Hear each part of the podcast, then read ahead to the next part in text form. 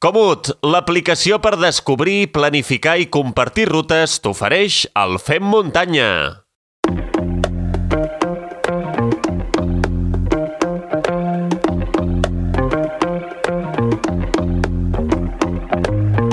Com en cada programa ha arribat el moment de baixar revolucions i més avui després d'aquesta interessant conversa amb la Maria Petit. Donem-li un descans als músculs i fem treballar el cervell i, sobretot, gaudim dels eh, nous camins que ens obre la nostra imaginació. Així doncs, ens asseiem damunt d'una roca en el nostre particular recorregut. Obrim la motxilla i agafem un llibre. Marc Cornet, què hi diu a la portada? Bones, Xavi. Doncs a la portada del llibre que us porto avui em sembla ja en si mateixa, podríem dir, una petita obra d'art, no?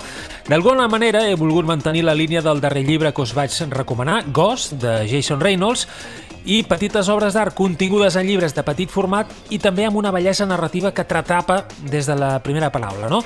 Com et deia, doncs, l'obra d'avui, la que ja fa 22, per cert, de la nostra biblioteca particular, és una història excelsa, de 128 pàgines. Traiem de la motxilla Corre, de l'escriptor francès Jean Echenoz i editat per Raig Verd. Home, i tant, Marc, eh? m'agrada especialment eh, l'elecció d'avui. Eh? Es tracta eh, d'un dels llibres més vells eh, que s'han escrit sobre el món del córrer en els darrers anys. Eh, potser és una de les millors obres d'aquest autor francès, Jean Echenoz.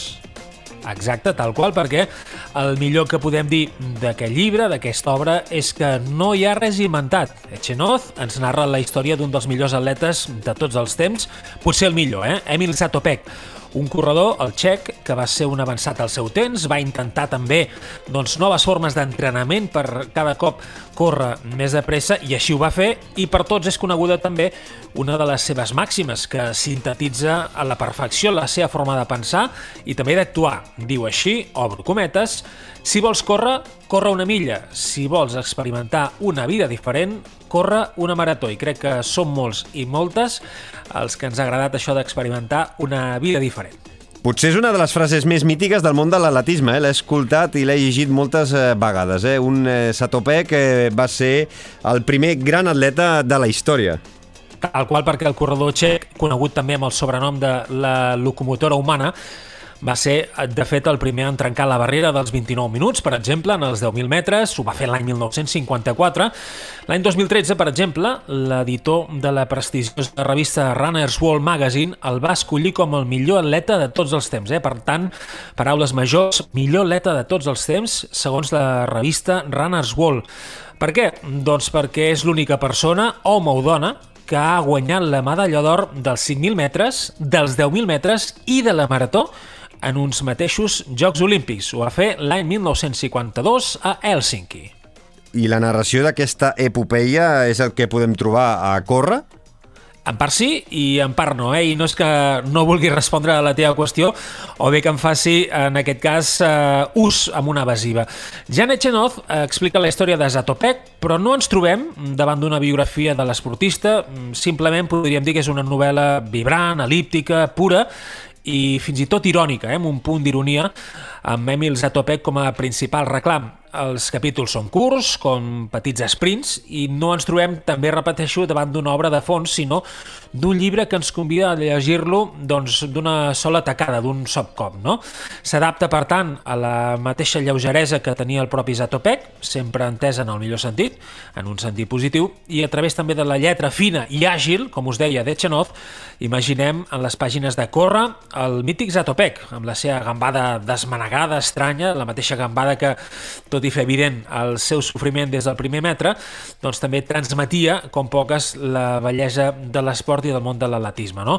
I també la bellesa de la història de Zatopek és la bellesa de l'esport i de les persones davant les injustícies del segle XX, un segle, recordem, tan convuls a nivell històric i també a nivell social. Eh, Marc, eh, per aquells que no coneguin la història de l'atleta txec, eh, pot sorprendre una de les frases del llibre en què els seus pares reconeixen que no volia córrer. Exacte, perquè la frase a la que et refereixes diu així Vam haver d'insistir perquè l'Emil comencés a córrer, però quan va començar ja no es va aturar. No va parar d'accelerar, vet aquí l'home que va córrer més de pressa sobre la Terra, i tanco cometes.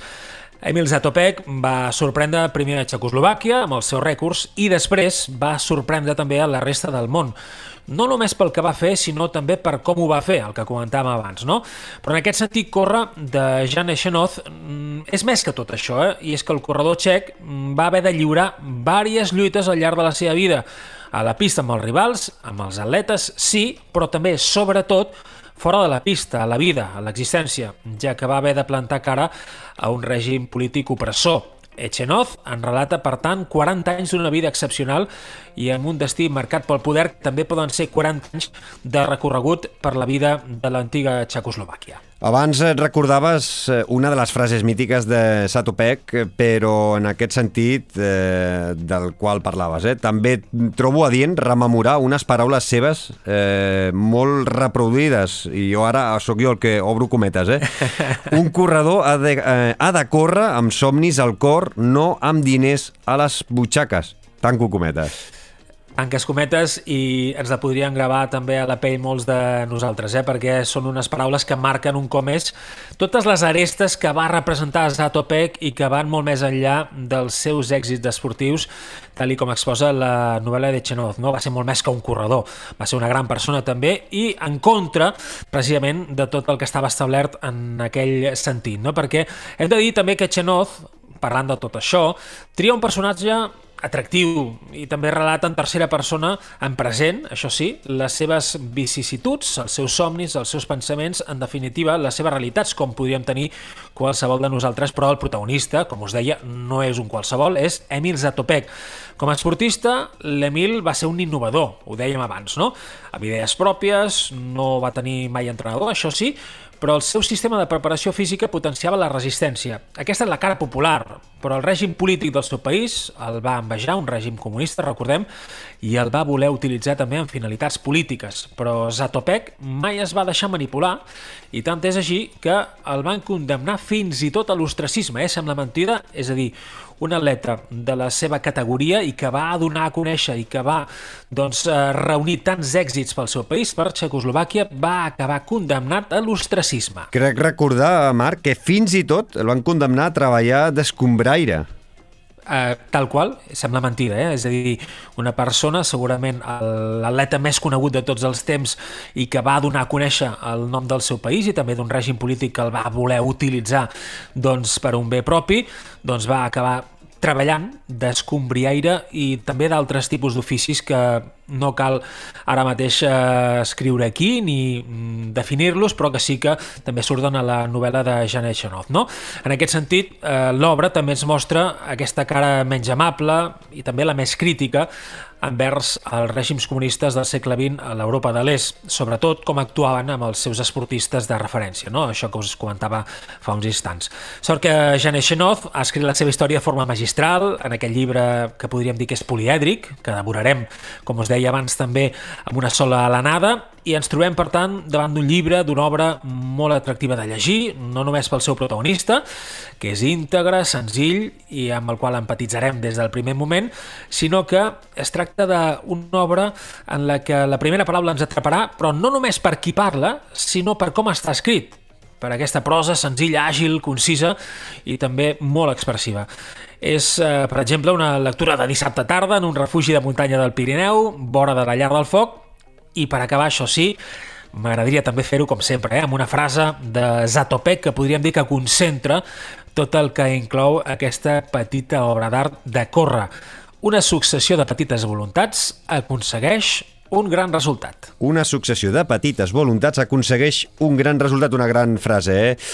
Marc, eh, com sempre, un cop més, em sembla un gran encert el llibre que ens has portat eh, avui dins de la motxilla per llegir allò quan hem de fer un descans a mig de la muntanya. M'ho imagino i m'agrada, eh? I pel que deies, en un refugi del Pirineu on qualsevol roca, ja sigui a prop o lluny de casa nostra, ben segur que tots i totes eh, podreu i podrem gaudir amb la lectura d'aquest Corre de Jan Echenoz. Marc, com sempre, moltes, moltíssimes gràcies per les teves propostes i pel teu esforç. Ens veiem, ens escoltem en el proper podcast. Una abraçada molt gran, cuida't i a poc a poc agafar forma que tenim quilòmetres per davant. Molts quilòmetres. La vida, de fet, és un recorregut infinit. Eh? El plaer, ja ho saps, Xavi, sempre és meu. I tanco com sempre. Salut, muntanya i, sobretot, més que mai, i en aquest 2023 també, molta lectura.